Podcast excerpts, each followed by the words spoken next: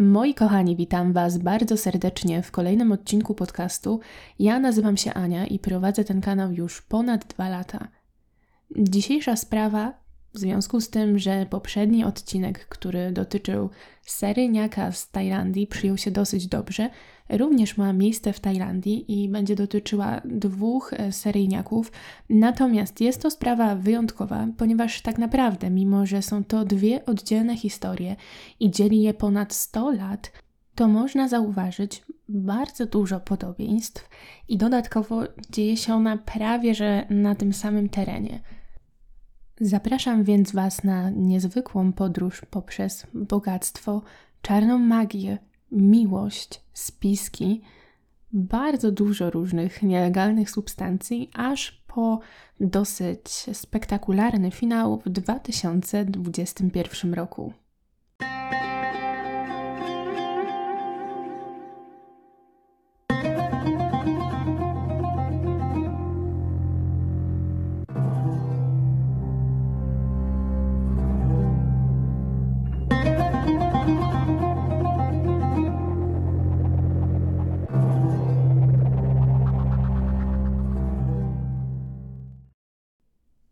Mam nadzieję, że ten krótki wstęp zaintrygował Was na tyle, abyście zostali tutaj ze mną po intro. Bardzo mi miło.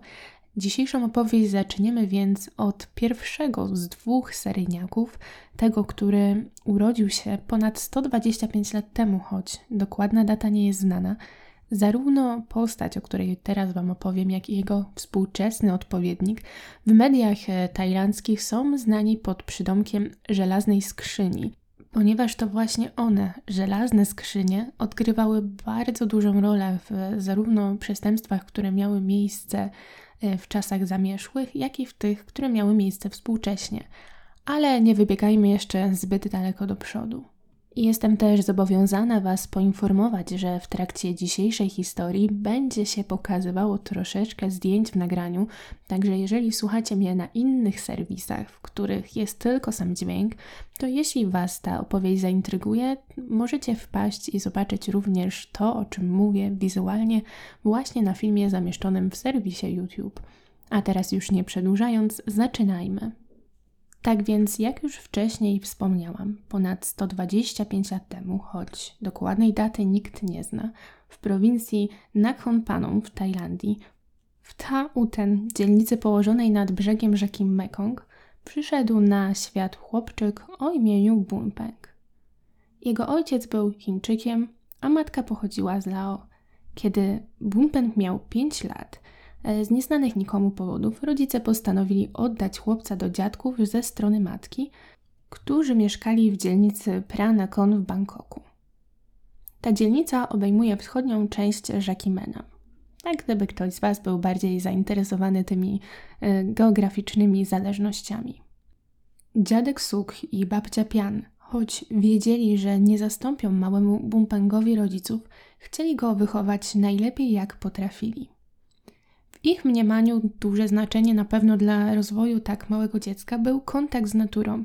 Dlatego też od najmłodszych lat zabierali Bunpenga razem ze sobą, aby pomagał im w pracy w ogrodach warzywnych. Jednak Bunpeng nienawidził brudzić sobie rąk, był bardziej typem mola książkowego i kogoś, kto chciał zostawać w domu, w swoim pokoju, aby zagłębiać się w różne historie spisane na papierze. Nigdy więc nie był zbytnio zdziwiony, kiedy okazało się, że chłopiec odkrył, że bardzo lubi spędzać czas ucząc się razem z mnichami, którzy pochodzili ze świątyni Wat Teravat Kunhorn, ponieważ ta świątynia znajdowała się zaledwie półtora kilometra, czyli to było jakieś 15 minut spacerem od domu jego dziadków. Wszystko wyglądało bardzo dobrze, wręcz zachęcająco, a dziadkowie byli dumni ze swego wnuka – jednak w krótkim czasie to inna świątynia podbiła serce młodego Bumpenga i niestety w tej świątyni praktykowano zakazaną wtedy czarną magię. Świątynia ta to była Wat Phai Ona już w obecnych czasach nie istnieje. W tłumaczeniu na język polski jest to świątynia pukania w bambus, o ile to ma w ogóle sens. Takie coś znalazłam i wierzę, że Pewnie chodzi o ten odgłos, aczkolwiek przy tłumaczeniu na język polski brzmi to oczywiście e, trochę dwuznacznie. W każdym razie w tej oto świątyni młody Bumpeng został wprowadzony w tajniki czarnej magii przez świątynnego grabarza, który zajmował się pozbywaniem ciał wierzących. Ten grabarz, czy też przedsiębiorca pogrzebowy, jak też o nim mówiono, był znany pod pseudonimem Dziadek Plaj. Dziadek Plaj bardzo dobrze znał się na wszystkich podejrzanych rytuałach, a jego umiejętności sięgały od przepowiadania przyszłości po pokonywanie złych duchów. Jednak pewna odnoga, która chyba najbardziej przemówiła do młodego chłopaka i najbardziej go zainteresowała, to była tak zwana magia bliźniaczych mikstur. Mimo tej przedziwnej nazwy, bliźniacze mikstury nie miały żadnego związku z rodzeństwem, które wygląda tak samo, a używano ich e, głównie do tego, aby oczarować kogoś i zdobyć jego miłość. Czyli tak w sumie w naszej kulturze były to po prostu potocznie eliksiry miłości. Wiedza o tym, jak je przyrządzić, była ściśle strzeżona, była bardzo ukrywana i ujawniana podobno tylko bardzo głęboko wtajemniczonym osobom, ponieważ e, obawiano się, że znajomość stworzenia takiej mikstury, która może zdobyć władzę nad czyimiś uczuciami, może bardzo zaszkodzić, jeśli by się na przykład dostała w niepowołane ręce. Oczywiście w dzisiejszych czasach już e, wiemy przynajmniej jak część z przepisów na stworzenie bliźniaczych mikstur wyglądała i znalazłam dla Was jeden. Najprawdopodobniej to właśnie tę instrukcję otrzymał młody Bumpeng od dziadka Play. Mam tylko do Was ogromną prośbę, nie próbujcie tego sami w domu. Proszę. Wykąp się w wannie, dokładnie wyszoruj ciało.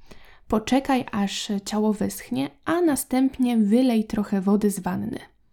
Wymieszaj wodę z piżmem i zrób z niej kulkę wosku. Połknij kulkę, pozwól jej osiąść w żołądku i uważaj na nią podczas wypróżniania. Następnie weź kulkę wosku, umyj ją i podpal. Rzuć na nią zaklęcie, że ci, którzy będą chcieć Cię kochać, będą Cię kochać, aż do dnia, kiedy odejdą na tamten świat. Następnie przygotuj jedzenie, do którego dodaj resztki spalonej wcześniej kulki wosku. Zmieszaj też to jedzenie z innymi świętymi materiałami. Miksturę podaj obiektowi Twojej miłości, a po jej spożyciu rzuć kolejne zaklęcie. Spowoduje to zauroczenie i pożądana osoba nie będzie Ci już się w stanie oprzeć. Choć cały ten opis i fakt, że został on zamieszczony w podcaście, który miał być zupełnie o czymś innym, wydaje się absurdalny, zaufajcie mi, to wszystko za chwilę będzie miało o wiele większy sens, ponieważ fenomen Bunpenga został zbudowany właśnie między innymi na tej legendzie. Bunpeng zakończył nauki okultystyczne u, dziadka, u dziadka Play e, w świątyni pukania w bambus, czy też Bamboo Knot Temple i był biegły m.in. w tworzeniu magicznych przedmiotów, mikstur, jak na przykład ta, o której Wam opowiedziałam, e, lalek, najprawdopodobniej lalek voodoo, wróżbiarstwa i oczywiście w używaniu mocy czarnej magii do różnych rzeczy, m.in. dominowania swoich wrogów. Tak przynajmniej twierdził. Gdy miał 20 lat, powrócił do macierzystej świątyni, w której zadawał się z mnichami za dziecka, e, to jest Wat Terawat Kumhorn i został tam wyświęcony na mnicha. Jednak tak szybko jak został na niego wyświęcony, tak szybko został z tej instytucji wydalony. Właśnie z powodu jego reputacji e, związanej z tym, że zajmował się czarną magią i wszelkich plotek, które z tego wynikały. Jednak, patrząc na tę historię, był to ostatni raz, kiedy taka reputacja, zresztą w którą on sam zainwestował między innymi swój czas, aby ją zbudować, pokrzyżowała mu plany. Wydalony ze świątyni swojego dzieciństwa, postanowił spróbować szczęścia nieco dalej w świątyni Wat Suhat Tepwararam. Znajdowała ona się zaledwie 3 km dalej od świątyni, z której go wydalono. Tam niestety odmówiono mu przyjęcia, ponieważ opad Wat Suthat Tep Vararam doskonale zdawał sobie sprawę z tego, z kim ma do czynienia. Jednak Bunpeng nalegał. Nalegał, nalegał i nalegał tak długo, aż opad ustąpił. Nie wiadomo do końca dlaczego postanowił dać szansę młodemu Bunpengowi, czy być może już wtedy chłopak użył swojej niezwykłej charyzmy, którą budował między innymi, między innymi właśnie na legendzie używania czarnej magii. Jednak wiadome jest, że ta decyzja miała sprowadzić wielkie nieszczęście na całe opactwo. Wat Sudhat Tep Vararam stało się domem Bunpenga na następne dziewięć długich lat. I to właśnie tam młody mężczyzna rozwinął skrzydła, skrzydła swojej ogromnej chciwości. Przede wszystkim Bunpeng zyskał bardzo dużo zwolenników, nie tylko w środowisku mnichów, ale i mm, spośród śmietanki towarzyskiej całego miasta. Był osobą niezwykle popularną i osobą niezwykle charyzmatyczną. Gdyby działo się to w dzisiejszych czasach, moglibyśmy powiedzieć, że zachowywał się jak guru jakiegoś kultu i rzeczywiście miał tony wyznawców. Głównie urokowi młodego Bunpenga ulegały kobiety, przeważnie przepiękne, a i również bogate. Jednak też mężczyźni robili wszystko, co Bunpeng kazał. Osoby te często oddawały sporą część majątku ubogiemu, chociaż tak naprawdę nie do końca, mnichowi. Jak więc tak wyglądała rzeczywiście codzienna posługa Bunpenga w świątyni? Trudno powiedzieć, ponieważ zapisy na temat tego, jakie miał obowiązki i jak wyglądała cała jego mnisia kariera, o ile można tak powiedzieć, są dosyć skąpe.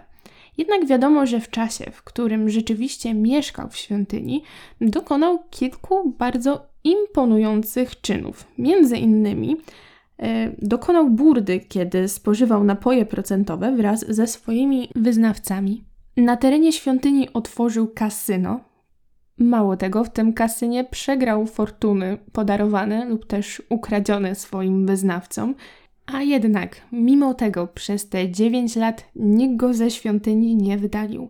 Wręcz przeciwnie, ludzie się go bali, a jednocześnie pragnęli uroków rzucanych przez niego, czy też eliksirów, które wytwarzał, ponieważ naprawdę wierzyli, że on ma moc i że posiada siłę i władzę, która jest w, w stanie zmienić ich życie, jeśli tylko będą chcieli i jeśli tylko Bunpeng będzie chciał im pomóc. Istnieją też bardzo interesujące zapiski, jakoby jego pokój miał być popularnym miejscem tzw. Tak rytuałów miłości, które oczywiście czynił wraz ze swoimi wyznawcami. Twierdzono, że każda młoda kobieta, zarówno blisko jak i daleko, gotowa była stać się niewolnicą Bunpenga i zaspokajać kaprysy jego ciała. Istnieją też inne źródła, że Pumpeng w tych rytuałach miłości i w ogóle w sferze miłości cielesnej miał dosyć specyficzne zainteresowania, które dzisiaj pewnie zidentyfikowalibyśmy gdzieś na spektrum opisującym miłośników zadawania bólu, jak i otrzymywania go z powrotem. W tym samym czasie, kiedy te wszystkie praktyki już całkiem jawnie, bo była to tajemnica Poliszynela, miały miejsce, zaczęły znikać młode kobiety z okolicy. Te kobiety znajdowano potem już bez życia, często zresztą rozczłonkowane w żelaznych skrzyniach. Mimo to w żaden sposób spraw tych nie szło połączyć z Bunpengiem. Do czasu. W 1917 roku, jeszcze za panowania króla Ramy w Tajlandii, w kanale Klong Bangkok Noi odkryto pewną, a jakże, żelazną skrzynię. Kiedy miejscowi ją otworzyli, nie mogli uwierzyć y, znalezisku, które było w środku. Skrzynia zawierała rozkładające się ciało mężczyzny w średnim wieku, którego później zidentyfikowano jako pana Nailoma. Pan Lom był bardzo znany nie tylko ze względu na bogactwo, ale i ze względu na to, czym się zajmował, ponieważ był odnoszącym sukcesy jubilerem. Bunpeng znał pana Loma i pewnego razu zaprosił go do siebie, do swojego pokoju, który znajdował się na terenie świątyni, ponieważ chciał od niego kupić diamenty. Ale kiedy pan Lom przybył na miejsce, Bunpeng postanowił odebrać mu życie, a następnie cały towar, który pan Lom przyniósł ze sobą, zawłaszczyć i dysponować nimi według własnego widzimisię. Bunpeng został oczywiście z ciałem Loma w swoim pokoju, ale nie został z problemem sam, ponieważ w całej akcji pomagał mu jego uczeń, który to na jego polecenie rozczłonkował jubilera, a następnie wepchnął go do żelaznej skrzyni. Następnie, aby przetransportować w ogóle tę żelazną skrzynię, uczeń zamówił tak zwanego zgniłego jeka. Jest to taka dosyć żartobliwa nazwa na specyficzny typ rikszy, jaki istniał w tamtych czasach w Bangkoku. Na pewno możecie go teraz zobaczyć na ekranie. I tą rikszą przez całe 6 kilometrów, co w tamtych czasach, y, zważywszy na jakby charakter rikszy oraz ciężar żelaznej skrzyni, było dosyć imponującym wyczynem. Tą rikszą y, mężczyzna zaciągnął skrzynię na drugą stronę rzeki Menam, a następnie zatopił ją i tutaj według różnych źródeł albo w kanale Klong Bangkok Noi, albo Bang Lamfu. I jak już wspomniałam, kiedy mieszkańcy tamtych terenów odnaleźli skrzynię, byli oszołomieni. Ale nie tylko oni, ponieważ funkcjonariusze też nie bardzo wiedzieli, co z tym fantem dalej zrobić, ponieważ nigdy wcześniej nie mieli z takim czymś w ogóle do czynienia na tamtym terenie. A jednak Bunpeng znowu był bezpieczny, dlatego że w tamtych czasach i okolicznościach sugerowanie, że mężczyzna, który był duchownym, mógł popełnić coś takiego, było wręcz bluźnierstwem i czymś również nie do przyjęcia przez opinię publiczną. I trochę mnie to dziwi, ponieważ, jak już Wam wcześniej wspomniałam, taki transport z żelaznej skrzyni rikszą był czymś niecodziennym, a uczeń Bunpenga na pewno był rozpoznawalny. Mimo to w tamtym momencie nikt tych dwóch faktów nie połączył, mimo tego, że na pewno było mnóstwo świadków, którzy tę dziwną przeprawę e, z żelazną skrzynią e, widzieli. Mimo to sprawiedliwości stało się zadość 12 stycznia 1918 roku.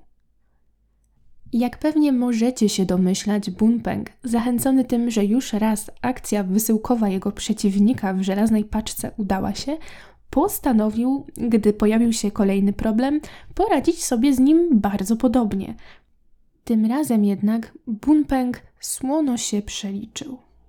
12 stycznia 1918 roku znaleziono ciało kobiety w żelaznej skrzyni, która była w rzece Chao Phraya. Jej ręce oraz stopy były związane sznurem, ciało owinięto moskitierą, a do środka, aby upewnić się, że wszystko bezproblemowo zatonie, włożono osiem cegieł. Ofiarą okazała się Non Prik. Na tamte czasy można by rzec, że milionerka – która zwróciła uwagę Bunpenga nie ze względu na to, że była młoda czy piękna, bo nie była, ale właśnie ze względu na posiadaną fortunę. Właściwie do momentu, gdy Nong Prik poznała Bunpenga, miała tylko jeden problem, a był to Kun Sithi. Jej mąż nie był nią w ogóle zainteresowany, a czas wolał spędzać z jedną ze swoich wielu ówczesnych kochanek. W związku z czym Nong Prik postanowiła również znaleźć sobie kogoś i padło na Bunpenga, który zresztą nie opierał się zbyt mocno, widząc bardzo dużo korzyści finansowych w znajomości z Nong. Wkrótce jednak e, płomienny romans zamienił się w coś więcej, przynajmniej ze strony Nong, ponieważ ta zakochała się w Bunpengu i chciała być z nim, a nie ze swoim mężem. Dodatkowym argumentem za tym mógł się zdawać fakt, że Nong spodziewała się dziecka Bunpenga. Nie wiem na jakich zasadach i czy wraz z lub może bez skandalu obyczajowego Nong nalegała, aby zgodnie podobną z tradycją, jaka miała tam miejsce, Nong po narodzeniu dziecka wyprowadził się ze świątyni i zamieszkał wraz z nią. Wydawało się to nawet niegłupią i korzystną propozycją, przynajmniej z perspektywy Bunpenga, ponieważ Nong posiadała ogromną fortunę, wiele rezydencji. Całym tym majątkiem mogła rozporządzać właśnie ona, mimo że była kobietą. Jednak był tylko jeden kłopot. Bunpeng, mimo tego, że bogactwo bardzo go kusiło, miał zupełnie inny plan na siebie. I w tym planie właściwie dla Nong nie było miejsca, ponieważ Mężczyzna znudził się Nong już dawno temu, do tego stopnia, że w momencie, kiedy ona składała mu swoją propozycję, czy może bardziej jednak żądanie, Bunpeng planował ślub z zupełnie inną kobietą, którą niby na tamten moment darzył uczuciem, jak twierdził. Nowa rywalka Nong Prik nazywała się Nong Tat. Gdy Non Prik zorientowała się, że przegrała, popadła w desperację. Oferowała Bunpengowi wszystko już, co posiadała. Prosiła go, aby był z nią, a stanął się jego domem, majątek, pola uprawne, skrzynie ze skarbami, pełne złota i klejnotów. Jednak Bunpeng już był niezainteresowany i pozostawał niewzruszony. Dlatego też, gdy Nong Prik otrzymała list od Bunpenga, aby odwiedziła go w pokoju Wat Suthat Tepfaram, czyli w świątyni, była zaskoczona, ale bardzo uradowana nagłą zmianą frontu. Więc stęskniona postanowiła czym prędzej ukochanego odwiedzić. Nie spodziewała się tylko, że będzie to pułapka. Nie wiadomo, czy był to środek ostrożności, czy zwykły odruch, ale nim Nong Prik wyszła na spotkanie, to list, który otrzymała od Bunpenga, włożyła do komody w swoim pokoju. I to właśnie ten czyn pozostawił trop, który pozwolił wskazać Bunpenga jako winnego całego zajścia. A o jakie zajście chodziło? Szczegóły do dzisiaj nie są znane, aczkolwiek według legendy przekazywanej z pokolenia na pokolenie w świątyni, Bunpeng y, tak długo zaciskał ręce na szyi Nongprik, aż z tej uleciało całe życie – Następnie znów nie działał sam, a posprzątać ten cały bałagan, jak to nazwał, polecił swoim uczniom. Jeden miał 19 lat, drugi był nieco starszy, a nazywali się w ogóle bardzo podobnie, bo Haran i Haroen. Także Haran i Haroen wynajęli znowu zgniłego jeka, rikszę, y, aby znów przewieźć skrzynię, w której umieszczono rozczłonkowane ciało Nongprik, jednak tym razem ich wycieczka nie była 6-kilometrowa, lecz 20-kilometrowa, tak aby na pewno nie powiązać e, tego ciała e, z Bunpengiem. No, zamysł był dobry, wykonanie trochę gorsze. Mimo to Bunpeng przeczuwał, że tym razem może być trochę trudniej uniknąć konsekwencji, dlatego na wszelki wypadek po całym zdarzeniu wyjechał. Od momentu, kiedy Non-Prik odebrano życie, a do momentu, kiedy ją znaleziono, minęło 7 dni. I nie wiadomo do końca, co Bunpeng czynił przez te 7 dni, choć istnieje teoria, że udał się do Ayutthaya, aby tam się ponownie wyświęcić, a następnie poślubił on Nong Tat. Tylko, że po przeliczeniu odległości sceptycy twierdzą, że raczej udać się do Ayutthaya i wyświęcić, a następnie wrócić na ślub, Bunpeng by nie zdążył. Jakże więc prowadzono śledztwo przez te 7 dni? Jak w ogóle udało się zidentyfikować Nongprik? Skrzynia zabierająca jej ciało została odnaleziona przez mieszkańców wioski Nontamburi e, w rzece Chao Praya. Wewnątrz skrzyni znajdowało się ciało pocięte na 8 kawałków. Rankiem 14 stycznia 1918 roku, czyli dwa dni po tym, gdy znaleziono ciało, w Bangkok Daily Mail został opublikowany plakat proszący każdego, kto wiedział o zaginionej kobiecie, o natychmiastowe zgłoszenie się do funkcjonariuszy.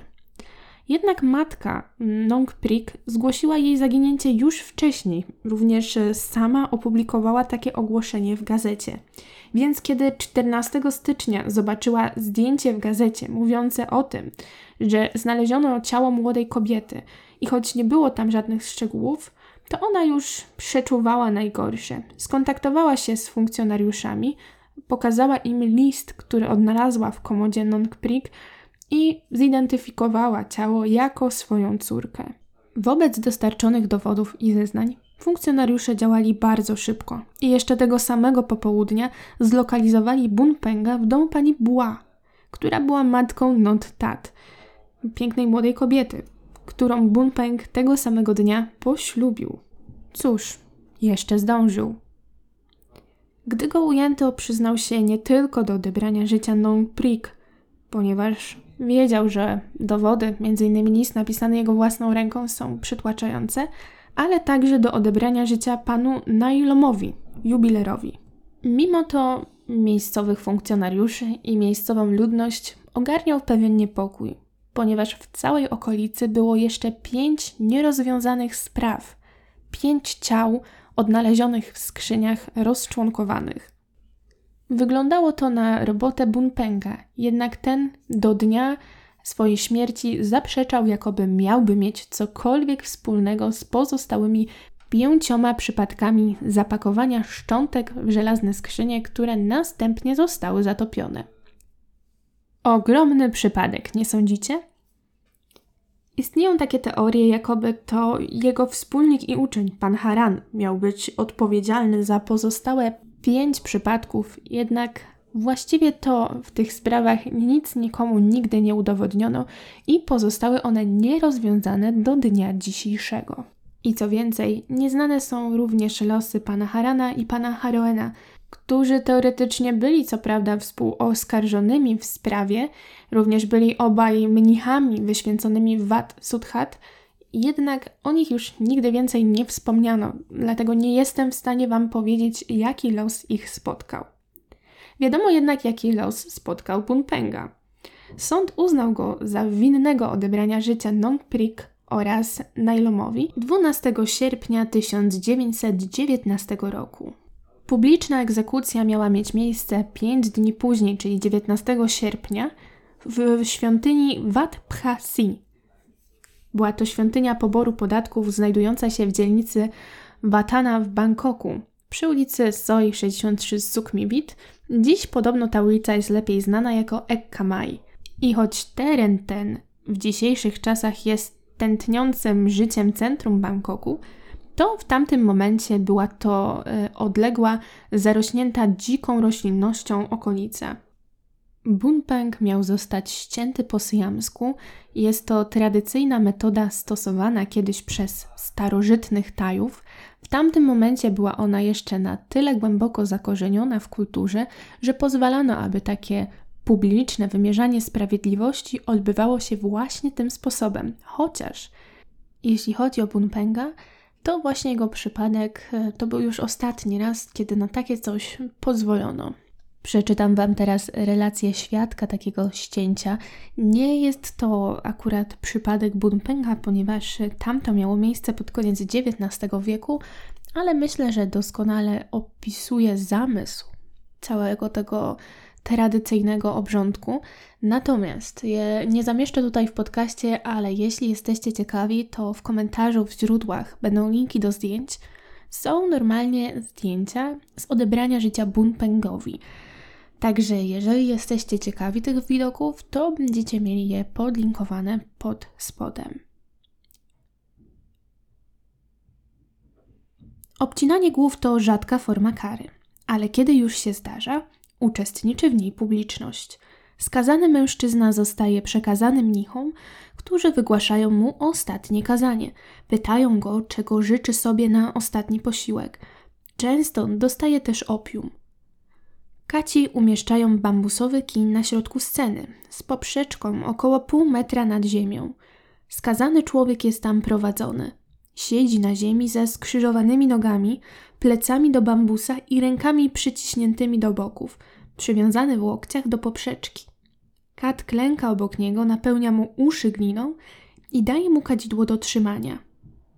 Następnie ubrany w lśniący szkarłat z czerwoną przepaską na czole, dzierżący miecz kat, idzie i klęka około 20 metrów dalej, czekając na idealny moment, by uderzyć w skazanego.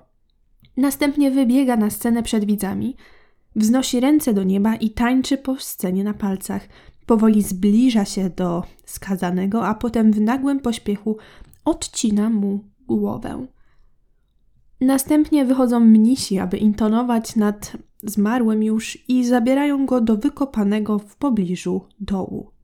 Głowę wbija się na słup i pozostawia jako ostrzeżenie dla innych złoczyńców. Brzmi makabrycznie, prawda?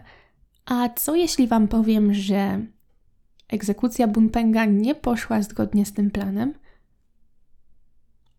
Okazało się, że kiedy po raz pierwszy Kat zamachnął się w stronę Bunpenga, co prawda trafił w jego szyję, ale nie stało się nic, ponieważ ostrze nawet nie przecięło skóry. Tłum gapiów widział, jak usta Bumpęga wykrzywiają się, ponieważ ten wypowiada pod nosem jakieś mroczne zaklęcie. Okazało się jednak, że Bumpeng ma taki grymas na twarzy z jeszcze innego powodu. W ustach trzymał amulet ochronny, był to czarny Buddha. Kat kazał wypluć Bunpengowi cokolwiek trzymał w ustach i gdy figurka wylądowała na ziemi, ten podniósł ją i umieścił na bambusie wbitym w ziemię pośrodku sceny. Był to amulet ochronny i podobno ludzie uwierzyli, że rzeczywiście za tym pierwszym razem fakt, że Bunpeng miał go w ustach, ochronił go przed sprawiedliwością. Jednak po wyjęciu już tego amuletu, Bunpeng był całkowicie bezbronny. I tym razem, za drugim podejściem, już bez problemów udało się mężczyznę pozbawić głowy. I jak wspomniałam, w ten sam dzień, w którym to miało miejsce, zmieniono prawo i od 19 sierpnia roku 19 y, nie wykonuje tego się już tradycyjną metodą, a jej miejsce zajął cały Pluton, który miał spełniać powierzone mu zadanie. Sama nie wiem, czy to była zmiana na lepsze. Prawdopodobnie nie. Ja osobiście w ogóle jestem przeciwna takiemu wymierzaniu sprawiedliwości, natomiast jestem również ciekawa, jakie Wy macie zdanie na ten temat. Także jeśli chcecie, możecie, to dajcie znać pod spodem w komentarzach. Istnieją różne doniesienia a propos tego, co stało się potem z ciałem Bunpenga.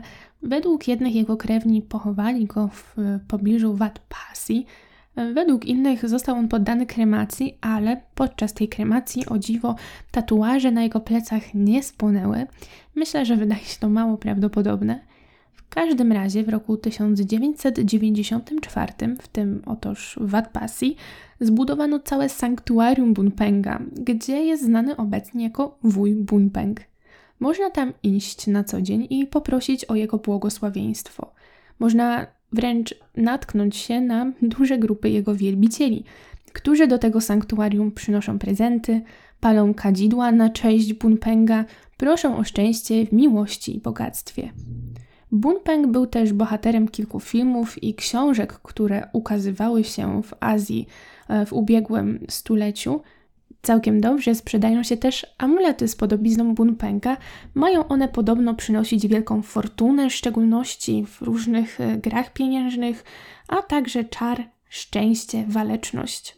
Bunpeng w kulturze masowej funkcjonuje pod pseudonimem Bunpeng Hip Leg, co oznacza mniej więcej tyle co Bunpeng żelazna skrzynia. I jak się miało prawie 100 lat później okazać, nie ostatnia w historii Tajlandii, Bangkoku, a właściwie tej samej dzielnicy. Zapraszam Was na część drugą, czyli historię Ong Visita. Nim przejdę bezpośrednio do tego, kim jest osoba, której chcę poświęcić część drugą, myślę, że przyda nam się małe wprowadzenie, jeżeli chodzi o historię jego rodu, a także najbliższej rodziny, ponieważ odgrywa to dosyć duże znaczenie w historii zrozumienie tego, jakie zaplecze posiadał ten człowiek. I tu zaskakująco zaczniemy od roku 1875, czyli właściwie chyba nawet wcześniej niż w przypadku poprzedniej historii. Z rozkazu króla Ramy V wybudowano wtedy pałac w stylu kolonialnym. Architektem był włoski artysta Joachim Grassi. Pałac ten znajdował się w Angburapa w podokręgu Pranakon, tuż przy drodze, przy której dorastał Bunpeng z poprzedniej opowieści wraz ze swoimi dziadkami. Pałac o nazwie Buraphahirom, czyli Pałac Wschodni, był ogromny, jednak po II wojnie światowej został opuszczony. Następca tronu, Somdejwan Burapa, sprzedał grunty łącznie za bardzo małą kwotę, o wiele mniejszą niż w rzeczywistości były warte. Nie będę Was zanudzać szczegółowymi wyliczeniami, ale zaufajcie mi, był on sprzedany po bardzo dużej taniości. I zaskakująco, to znaczy w ogóle nie, pałac po sprzedaży rozebrano, a kłody tekowe sprzedano po bardzo niskich cenach. Marmurowe lwy, które stały kiedyś przed pałacem, obecnie znajdują się przed Ministerstwem Finansów. Co ciekawe, kiedyś chciano usunąć te lwy, ponieważ nie podobały się e, jednemu z ministrów finansów, Finalnie jednak e, pozbyto się ministra, a nie ozdoby. Gdy pałac rozebrano, ziemia, na której stał, była gotowa pod różne inwestycje. Pewien biznesmen imieniem Xiao Kok, znany również jako Bantun Ongwizit, kupił tę ziemię od księcia Sondeya. Banton Ongwizit jest niezwykle ciekawą osobą, jeśli nawet y, można by powiedzieć nie osobistością. Po dziś dzień jest on kojarzony w większości przez starsze pokolenie ze względu na to, że miał on ogromny i ciekawy wpływ na kulturę tajską, a konkretniej na kino. Można by powiedzieć, że sam sobie był sterem, żaglem i kapitanem, ponieważ w okresie powojennym napisał, wyreżyserował, wyprodukował, a także zagrał w wielu sztukach i filmach, które raz na zawsze zmieniły to, jak ten biznes w tamtym czasie wyglądał. Ponadto zbudował on kino królowej, które otworzył w 1954 roku, tuż za dawnym pałacem, i w tym kinie grano też y, amerykańskie filmy co było dosyć e, wielką niezwykłością i między innymi dlatego to miejsce było bardzo popularne. Oprócz kina, Bantun otworzył także dwa teatry Empire Chalemtai oraz Krungai w Bangkok. Mimo ogromnego powodzenia w branży rozrywkowej, zarówno jako osoby, jak i inwestora, postanowił on krok po kroku spokojnie przenosić swój kapitał w nieruchomości, które wydawały mu się o wiele bardziej sensownym sposobem na inwestowanie, a także rozwijanie swojego małego rodzinnego imperium. Między innymi dlatego zgłosił się on do księcia Sondej, aby kupić grunt. W tej okolicy też wybudował budynek, w którym wynajmował miejsca na różne sklepy. Było to jego centrum handlowe, miał też centra targowe, pobierał opłaty i miejscówki we wszystkich tych jego budynkach były od dawna wyprzedane. Miał też własną wielką rezydencję, taki teren, na którym też stały różne budynki, i mówiło się, że w całości jest około 100 mieszkań czy 100 pokoi, co dalej z biegiem historii miało się o dziwo okazać prawdą. Banton miał syna, Czarnym Czaja, i to od jego grzeszków rozpoczniemy dzisiejszą historię. W piątek, na początku października 1983 roku, około godziny 18 w rynsztoku obok obszaru biurowego Wat Parara Kraj znaleziono pudełko po telewizorze marki Singer. Zresztą to była ta sama marka, która kiedyś była odpowiedzialna za słynne na cały świat maszyny do szycia. Zdjęcie możecie zresztą zobaczyć pewnie w tym momencie na ekranie. W każdym razie okazało się, że w tym pudełku znajdowały się szczątki ludzkie, a dokładniej tułów najprawdopodobniej kobiecy. Służby w związku z tak makabrycznym znaleziskiem postanowiły przeszukać okoliczny teren i wkrótce odnaleziono bagaż pozostawiony na ulicy Peczkasem, który zawierał brakujące części dziewczyny znalezionej w opakowaniu po telewizorze. Sposobami niestety przeze mnie nieznanymi udało się ustalić, że sklep, który sprzedał telewizor, po którym zostało już tylko opakowanie, znajdował się w Talatplu. Więc śledczy pojechali tam następnego dnia. Sprzedawca zeznał, że telewizor został sprzedany panu Pajągowi Sentawi. Mężczyzna ten mieszkał w mieszkaniu, które znajdowało się w kompleksie centrum handlowego Ongwizit, a mieszkał tam m.in. dlatego, że był on szwagrem samego Charemchaja Ongwizita. Oczywiście przeszukano mieszkanie pana pająka, jednak było ono niezwykle czyste, co oczywiście już na pierwszy rzut oka zarówno śledczym, jak i oczywiście wprawionym słuchaczom wydało się bardzo podejrzane. Pająka zabrano na przesłuchanie i o dziwo mężczyzna bardzo szybko się złamał i przyznał się do winy. Powiedział, że odebrał on życie 15-letniej Nong Nuan Prang Bunang w swoim pokoju, a następnie zajął się jej ciałem. W związku z tymi rewelacjami funkcjonariusze postanowili ponownie sprawdzić pokój, o którym mówił pan Pająk, Usunęli nawet sufit i rury wodociągowe. I wtedy, gdzieś tam najprawdopodobniej był on schowany za rurę, znaleźli oni ludzki obojczyk. Potwierdzało to poniekąd zeznania pana Pająga, tylko że tak naprawdę nie do końca. Pająk zeznał, że Nong Bunang Była zwykłą dziewczyną z okolicy, właściwie dzieckiem jeszcze. Niestety, w centrum handlowym znajdowało się akwarium z egzotycznymi rybami. Było ono dosyć drogie, a dziewczyna miała taki zwyczaj, że znudzona, kiedy przechadzała się po centrum handlowym, często pukała w jego szybę. Pana pająka bardzo to denerwowało i kilkakrotnie zwracał jej uwagę. Pewnego dnia odpowiedziała ona mu bardzo niegrzecznie, dlatego zdenerwował się i zaciągnął ją do swojego mieszkania, gdzie następnie zaatakował. Dziewczyna, podobno upadła, uderzyła głową o krawędź stołu i w ten sposób niestety zakończyło się jej życie.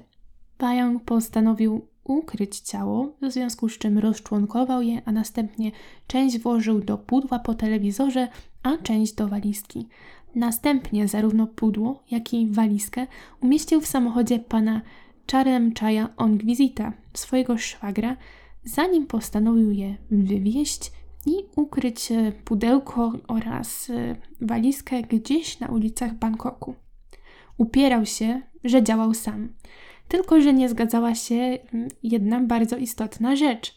Pan pająk nie był w stanie odpowiedzieć śledczym, gdzie dokładnie porzucił pudło i gdzie dokładnie porzucił walizkę z częściami ciała młodej dziewczyny.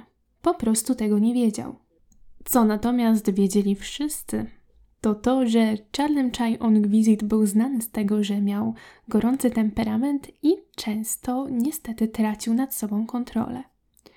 Mówiło się nawet, że podobno wdawał się w bójki z klientami własnego centrum handlowego, którzy przychodzili tam tylko po to, żeby na przykład kupić ryby na obiad. Wezwano więc na przesłuchanie pana Charlem Chaya, który oczywiście wszystkiemu zaprzeczył. Powiedział, że absolutnie o niczym nie wie, z niczym nie miał nic wspólnego. Dodał jeszcze, że jego samochód, owszem, był używany przez niego, ale również na przemian przez jego szwagra, a także jego żonę. Funkcjonariusze niestety nie mieli wystarczających dowodów, nie znaleźli nigdzie Dena Chalemchaya, także musieli go wypuścić.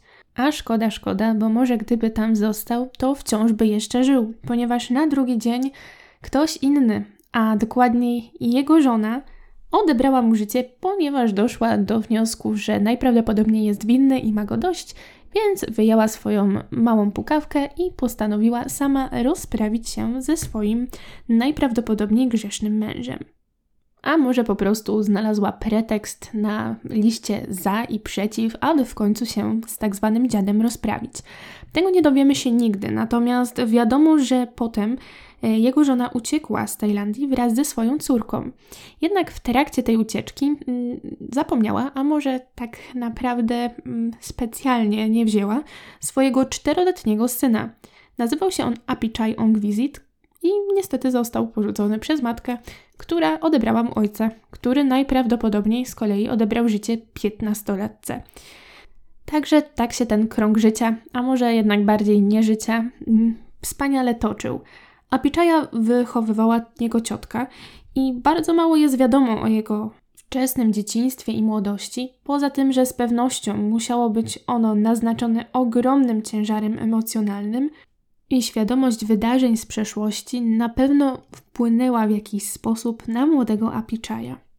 Apiczaj był dosyć niski, z tego powodu bardzo mu dokuczano w liceum i podobno według e, opowieści, której źródłem jest jeden z jego znajomych z tamtych czasów, Apiczaj, aby dbać o swoje bezpieczeństwo do szkoły przychodził z bronią, a także wyjątkowo dużo tatuował swoje ciało, ponieważ był niezwykłym fanem piercingu. Być może myślał, że w ten sposób wygląda nieco groźniej. Po skończeniu szkoły postanowił najwyraźniej wstąpić na drogę bezprawia i po raz pierwszy został aresztowany w wieku 28 lat w 2008 roku. E, zarzuty, jakie wtedy mu postawiono, to była napaść. Zresztą udowodniono mu to i odsiedział on 3 lata a następnie został zwolniony w roku 2011. Długo to on sobie po tej wolności nie pobiegał, bo w roku 2012 znowu go zatrzymano dwukrotnie. Po raz pierwszy y, zatrzymano go w Down Saduk w Ratchaburi za nielegalne posiadanie broni. I drugi raz, ponieważ postanowił porwać 17-latkę, trzymać ją w rezydencji Pasi Haroen, a następnie, kiedy wszystko się wydało, próbował on odebrać życie y, funkcjonariuszowi. W jego rezydencji znaleziono bardzo dużo przeróżnych cukrów pudrów, a także przeróżnych kalibrów, przeróżnych przedmiotów zakazanych prawnie, ponadto również kamizelki kuloodporne, kajdanki, a także na przykład paralizatory. W związku z tymi zarzutami oraz znaleziskami e, Apichai przesiedział kolejne 6 lat i został zwolniony w roku 2018. Można by założyć, że zapewne poszedł w stronę różnych cukrów, pudrów w ogromnych ilościach w jego rezydencji, ponieważ chciał, aby właśnie ten styl życia był jego głównym źródłem dochodu. Ale jeśli tak założyliście, to się pomyliliście, bo tak naprawdę Apichai nie musiał tego robić. Robił to dla czystej rozrywki i adrenaliny. Jego głównym źródłem dochodu w tamtym momencie było właśnie ta rezydencja, o której wspominałam wcześniej, która miała podobno 100 apartamentów czy 100 pokoi pod wynajem, w których mieszkali różni ludzie. Mieszkał tam też również Apichai, który miał pseudonim Ice od lodu, czyli nazwy mm, używanej, aby określić jego ulubiony rodzaj cukru pudru. I niestety Ice jako współlokator slash właściciel e, terenu był niezwykłym utrapieniem dla ludzi, którzy wraz z nim mieszkali tam. W sumie dziwię się, dlaczego się stamtąd nie wyprowadzali, czy po prostu lokalizacja, czy standard był wyjątkowo dobry, czy może cena była korzystna, bo szczerze mówiąc, gdybym ja miała takiego landlorda, jakim był Apichai, to bym się wyniosła tam w jakieś dwie godziny. Co takiego więc on robił? Przede wszystkim spożywał bardzo dużo produktów, które trzymał w swoim mieszkaniu, które sprawiały, że był on cały czas na haju i ten haj nie działał na niego za dobrze, ponieważ często był bardzo pobudzony, agresywny i szukał po prostu konfliktu. Ponadto droga, która prowadziła do całej posiadłości, miała bezpośrednio, mm, znajdowała się od strony okien Ice'a, dlatego też strasznie denerwowało go, jeśli ludzie, którzy używali tej drogi, mieli włączone światła w swoich samochodach. Dlatego główną zasadą e, mieszkania w jego rezydencji było to, aby już jak się wjedzie za bramę całej posiadłości, te światła wyłączać. Jeśli tak się nie działo, to Ice wychodził bardzo zdenerwowany, a następnie z użyciem kul postanawiał nauczyć osób, które prowadziły to auto, y, jak mają prawidłowo postępować. Czasem trafił w te osoby, czasem trafił w karoserię, różnie to bywało.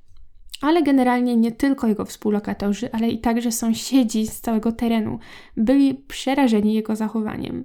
Nikt, kto nie musiał, się tam nie udawał, ponieważ oprócz tego, że mógł zostać trafiony za bardzo złą jazdę wąską drogą podjazdową, to na przykład mogło się okazać, że wpadnie do jednego ze stawów, a w tych stawach y, Apichai hodował ryby, które były mięsożerne. W szczególności upodobał sobie jeden konkretny gatunek i była to niszczuka krokodyla z bardzo ostrymi ząbkami, które możecie zobaczyć teraz na ekranie. W trakcie odsiadki Apichai poznał y, pana Charemchona, który stał się towarzyszem jego szaleństw, a także który zamieszkał w jego willi a Pichai zatrudnił go jako pana złotą rączkę i rzeczywiście Chon dokonywał różnych napraw na terenie całej posiadłości. Ale zarówno Apichai, jak i jego towarzysz swojego życia zmieniać nie chcieli i to, że Chon znalazł wspaniałą pracę jako osoby, która naprawiała różne uszkodzenia, to nie oznacza, że doszło do pełnej resocjalizacji. Wręcz przeciwnie, na początku stycznia 2020 roku Czelem Chonaka Buła w wieku 41 lat został aresztowany w Bangkoku pod zarzutem posiadania różnych nielegalnych substancji. Było to dosyć zwykłe zatrzymanie, jakich wiele, szczególnie w dzielnicach, które słyną z takich nieciekawych klimatów i sprzedaży właśnie tychże nielegalnych substancji. Jednak Czelem Chon miał zamiar nigdy już więcej nie wracać na odsiadkę, dlatego powiedział, że w zamian za wolność ma do opowiedzenia pewną historię, która z pewnością okaże się prawdą. Funkcjonariusze postanowili zastosować podejście proszę bardzo zaskocz nas i Ice zaczął opowiadać o swoim przyjacielu, panu Apichaju Ongwisycie, lepiej oczywiście znanego jako Ice. Był on postrzegany wówczas przez społeczeństwo, mimo swoich różnych wybryków, jako zamożny człowiek z wybitnej jednak rodziny w Bangkoku. Chanem opowiedział funkcjonariuszom, jak po wyjściu z odsiadki udał się on do Ice'a i został złotą rączką na terenie jego posiadłości. Jak obaj często spożywali nielegalne substancje oraz jak to pod koniec roku 2019 pomógł Apiczajowi pozbyć się ciała młodej dziewczyny, którą zakopali na opuszczonej działce za rezydencją. Zeznanie to było na tyle wiarygodne, że 9 stycznia 2020 roku o godzinie 11 w sumie 26 oficerów operacyjnych wtargnęło do rezydencji Apiczaja Ongwizita. Ice próbował się bronić i to dosyć zaciekle oddał kilka kul w stronę y, oficerów, jednak jego wspaniała maszyneria zacięła się w pewnym momencie i to właśnie wtedy go ujęto. Podczas nalotu znaleziono m.in. mnóstwo e, nielegalnych sztuk broni, e, mnóstwo cukrów pudrów różnego pochodzenia, a także znaleziono bardzo dużą ilość dziur po różnorakich kulach w suficie, ponieważ Apichai uwielbiał oddawać kule w powietrze w momencie, kiedy był na przykład po napojach procentowych albo po innych używkach. Na terenie posiadłości znaleziono również żelazną skrzynię, jednak jej zamek był zamknięty. Natomiast w miejscu za rezydencją, za domem, na opuszczonej działce wskazanej przez jeszcze chwilę temu kompana Apiczaja, e, po odkopaniu znaleziono rzeczywiście czarny worek na śmieci, w którym znaleziono szczątki ludzkie oraz żółte ubrania, które najprawdopodobniej należały do kobiety. E, te części ciała, które tam znaleziono, E, już dawno niestety uległy rozkładowi, a Pichai, zapytany kto to był, postanowił powiedzieć prawdę i przyznał, że jest to Nong Kukik. Nong Kukik była 22-letnią młodą kobietą z Sakon Nakon. Pracowała w Bangkoku jako naganiaczka do klubów nocnych i najprawdopodobniej w ten sposób poznała swojego przyszłego oprawcę. A Pichai opowiedział śledczym, że gdy Polubili się, postanowił ją przywieźć do swojej rezydencji. Było to gdzieś w październiku roku 2019, jednak zaprzeczał, jakoby miał być w jakikolwiek sposób zamieszany w to, że dziewczyna obecnie nie żyje, mimo że jej ciało znajdowało się zakopane na terenie jego rezydencji. Czujecie ten absurd? Jednak zaledwie kilka godzin później Apichai pękł i przyznał się do tego, że to on odebrał życie Nong Kukik pod koniec sierpnia 2019 roku, czyli znacznie wcześniej niż twierdził, że w ogóle do niego przyjechała. Jednak jego opowieść o tym, jak to rzeczywiście wyglądało, pozostawiała wiele do życzenia. A Pichai w swojej opowieści upierał się, że bardzo kochał Kukik i że ona kochała jego. Do tego stopnia to uczucie było intensywne, że Apichai nie chciał, aby kobieta przypadkiem od niego odeszła, uciekła, dlatego na wszelki wypadek, tak jak e, na przykład, nie wiem, parkuje się samochód w garażu, to on zamykał kukik w żelaznej skrzyni, którą jeszcze zabezpieczał przekręceniem klucza w zamku. Co ciekawe, i makabryczne, ta skrzynia, która miała być przystosowana do tego, aby Cookie w niej spała, nie zawierała żadnych otworów wentylacyjnych.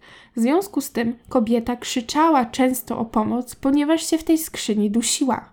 Jednak nikt sobie z tych jej wołań o pomoc nic nie robił, a Pichai często wręcz włączał po prostu głośną muzykę tak, aby nikt tego nie słyszał. Mm, jego wspólnik, czy też raczej przyjaciel, Charem Chon, opowiedział zupełnie inną wersję tej historii. Powiedział, że pod koniec lipca 2019 roku widział, że Ice zaatakował Kukik stalową rurą, a następnie zakuł ją w kajdanki. Zmuszał ją do e, jedzenia ogromnych ilości posiłków, a jeśli tego nie zrobiła, to jeszcze bardziej ją napastował. Potwierdził też, że widział, jak e, Apichai zamknął ją e, w szczelnej skrzyni, w której nie było wentylacji. Pewnego dnia okazało się, że powietrze, właściwie tlen w tej e, skrzyni skończył się i niestety Kukik straciła życie. Dlatego też, gdy Apichai to odkrył, poprosił Chalemchona o pomoc w zakopaniu ciała Nong Kukik. Chalermchon powiedział, że włożyli ją do czarnego worka razem z ubraniem i zakopali na tyłach rezydencji. Ta wersja o wiele bardziej zgadzała się z prawdą niż to, co powiedział sam Apichai. Mimo to, nawet posiadając te zeznania oraz posiadając ciało znalezione na terenie posiadłości Apichaja, nie wiem jakim cudem, e, funkcjonariusze nie posiadali dość dowodów, aby wnieść oskarżenie przeciwko Apichajowi e, pod, w tej konkretnej sprawie. Na szczęście mogli było zatrzymać z powodu innych rzeczy – nielegalnych substancji na terenie jego posiadłości, nielegalnej broni, a także wkrótce okazało się, że zgłosiła się do funkcjonariuszy kobieta, która wcześniej była w związku z Apiczajem i którą on wykorzystał wbrew jej woli, w związku z czym to też było elementem oskarżenia. Jednak na tamten moment nie można mu było udowodnić nic w sprawie dotyczącej odebrania życia Kukik. Jedynym ratunkiem tej całej sytuacji, jedynym rozwiązaniem było bardzo dokładne przeszukanie całego terenu, który należał do Apiczaja, z nadzieją, że więcej dowodów zostanie znalezione. I zostało znalezione więcej niż sami śledczy mogliby się spodziewać. Mianowicie znaleziono ludzkie włosy oraz kości w stawie obok domu. E, pierwszym odkryciem było 8 zębów i 28 kawałków żeber, które podobno należały do kobiety oszacowanej na około 17 od 18 lat. Oznaczało to, że te konkretne szczątki nie mogą należeć do Kukik, która miała lat 22. Znaleziono również kości i odzież kobietą owinięte w worek. Worek ten był zatopiony na dnie stawu. Aby nie wypłynął, był on obciążony żelazną bramą, która ważyła 70 kg oraz ośmioma handlami, łańcuchami i kamienną ławką. Bramę możecie teraz zobaczyć e, na nagraniu. Dodatkowo w tym stawie Ice hodował e, ryby, które były mięsożerne, najprawdopodobniej z intencją, aby zjadły one resztki, które mogłyby tam pozostać i stanowić jakikolwiek dowód, oraz aby nikt inny nie odważył się tam nurkować. Żelazną bramę zestawu udało się dopasować do jednego z łuków na terenie rezydencji, w których tej bramy brakowało, pasowało na jak ulał, a śledczy, zachęceni tym odkryciem, postanowili przeszukiwać teren posiadłości dalej – i łącznie po pewnym czasie odnaleziono aż kolejne 288 dodatkowych fragmentów kości. 18 stycznia 2020 roku śledczy zostali poinformowani, że w okolicy wcześniej zaginęła młoda kobieta o imieniu Nong Oil. Wezwano więc na przesłuchanie matkę Nong Oil, która wierzyła, że Nonkoin najprawdopodobniej została niestety ofiarą Apichaja i jest pochowana gdzieś na terenie jego posesji. Jednak w trakcie trwania śledztwa odnaleziono ciało dziewczyny. To ciało odnaleziono w Chonburi, gdzie wcześniej pracowała i skąd wysyłała pieniądze swojej rodzinie, aby ta mogła się utrzymać. I niestety nie wiadomo po dziś dzień, kto był sprawcą. Aby jeszcze bardziej usprawnić przeszukanie czy też poszukiwanie kolejnych szczątków, zespół chciał wypompować wodę ze wszystkich stawów na terenie posiadłości, ponieważ było ich bardzo dużo. Jednak okazało się, że jest to niemożliwe, ponieważ stawy te okazały się jeziorami zasilanymi przez podziemny strumień, w związku z czym wypompowanie wody było po prostu niemożliwe. W jeziorkach na terenie posiadłości znaleziono też kolejne 10 dodatkowych fragmentów kości, a także 10-calowe ostrze. Jednak chyba najbardziej szokujące odkrycie miało miejsce 23 stycznia 2020 roku, kiedy to znaleziono żelazną skrzynię obciążoną handlami łańcuchami, szczelnie zamkniętą, w której znajdowały się szczątki 18-letniej dziewczyny – Najprawdopodobniej e, zaginęła ona w 2011 albo 2012 roku. Znaleziona skrzynia była wcześniej rekwizytem w filmie, w którym zagrał dziadek Apichaya, czyli Bantun Ong Visit, o którym Wam opowiadałam wcześniej. Po znalezieniu tej skrzyni prasa nadała Apichayowi przydomek, mm, taki sam zresztą jak wcześniej miał Bunpeng i nazywał się on Ice Hip Leg. 29 stycznia 2020 roku Apichaj przyznał się do odebrania życia zagranicznemu pracownikowi, który obsługiwał rezydencję. Podobno Apiczaj miał się zdenerwować i podczas kłótni oddać kulę y, robotnikowi w jego nogę, a następnie, gdy ten pracownik zagroził, że złoży odpowiednie zeznania obciążające Apiczaja, ten postanowił pozbyć się całego problemu, więc po prostu odebrał mu życie. Apiczaj też przyznał, że zarówno odebranie życia pracownikowi, jak i dziewczynie, która została znaleziona w żelaznej skrzyni, oba te zdarzenia miały miejsce przed odebraniem życia Nong Kukik. Wiadomym było jednak, że ofiar Apiczaja było o wiele więcej. Pytany jednak o to, odpowiadał jak zacięta płyta śledczym: idźcie i znajdźcie sobie to sami. 19 marca 2002 roku sąd w Tonburi skazał go na 10 lat i 5 miesięcy pozbawienia wolności za posiadanie substancji nielegalnych, natomiast 30 grudnia 2012 roku Apichai został skazany na kolejne dodatkowe 11 lat i 4 miesiące za wykorzystanie swojej byłej dziewczyny, która w mediach funkcjonuje pod pseudonimem A. Na tamten moment wiadomo było również, że na terenie jego rezydencji znaleziono na pewno łącznie cztery ciała. Te trzy wcześniej, o których wspomniałam, jak i również ciało dwunastoletniej dziewczynki. W związku z tym i w związku z tym, że jeszcze wiele różnych szczątków nie zostało zidentyfikowanych, ani też nikomu przypisanych, czy też w ogóle odnalezionych, śledczy postanowili kontynuować przeszukanie posiadłości Apichaya Ongwizita. Natomiast sam Apichai miał kolejny proces w styczniu tego roku, a właściwie nawet dwa. Podczas jednego skazano go na 25 lat w związku z kolejną ilością pigułek znalezionych na terenie jego rezydencji, zaś w drugim, nareszcie w końcu, mimo wszystko, udowodniono mu odebranie życia Kukik i w związku z tym skazano go na dożywocie. Wszelkie inne sprawy są dalej w toku. I to już koniec dzisiejszej historii, a właściwie dwóch historii, zwyrodnialców rozdzielonych e, przez 100 lat w czasie, jednak wykorzystujących bogactwo i żelazne skrzynie, aby nadawać sprawom tor przez nich pożądany. Dajcie znać, co o tych sprawach sądzicie, jakie jest własne zdanie. Może macie swoją teorię w niektórych przypadkach. Tymczasem ja się z Wami żegnam, serdecznie Was zapraszam na Instagrama, gdzie są różne ciekawostki do spraw, a także kulisy mojej pracy. Instagram nazywa się Posłuchaj Podcast, więc jeśli chcecie, to wpadajcie. Dziękuję również serdecznie moim patronom, dzięki nim właśnie mogę tworzyć, a te odcinki wychodzą w miarę regularnie, także jestem Wam ogromnie wdzięczna. No i cóż, Trzymajcie się wszyscy zdrowo, trzymajcie się bezpiecznie, unikajcie żelaznych skrzyń i do usłyszenia w następnym odcinku. Pa!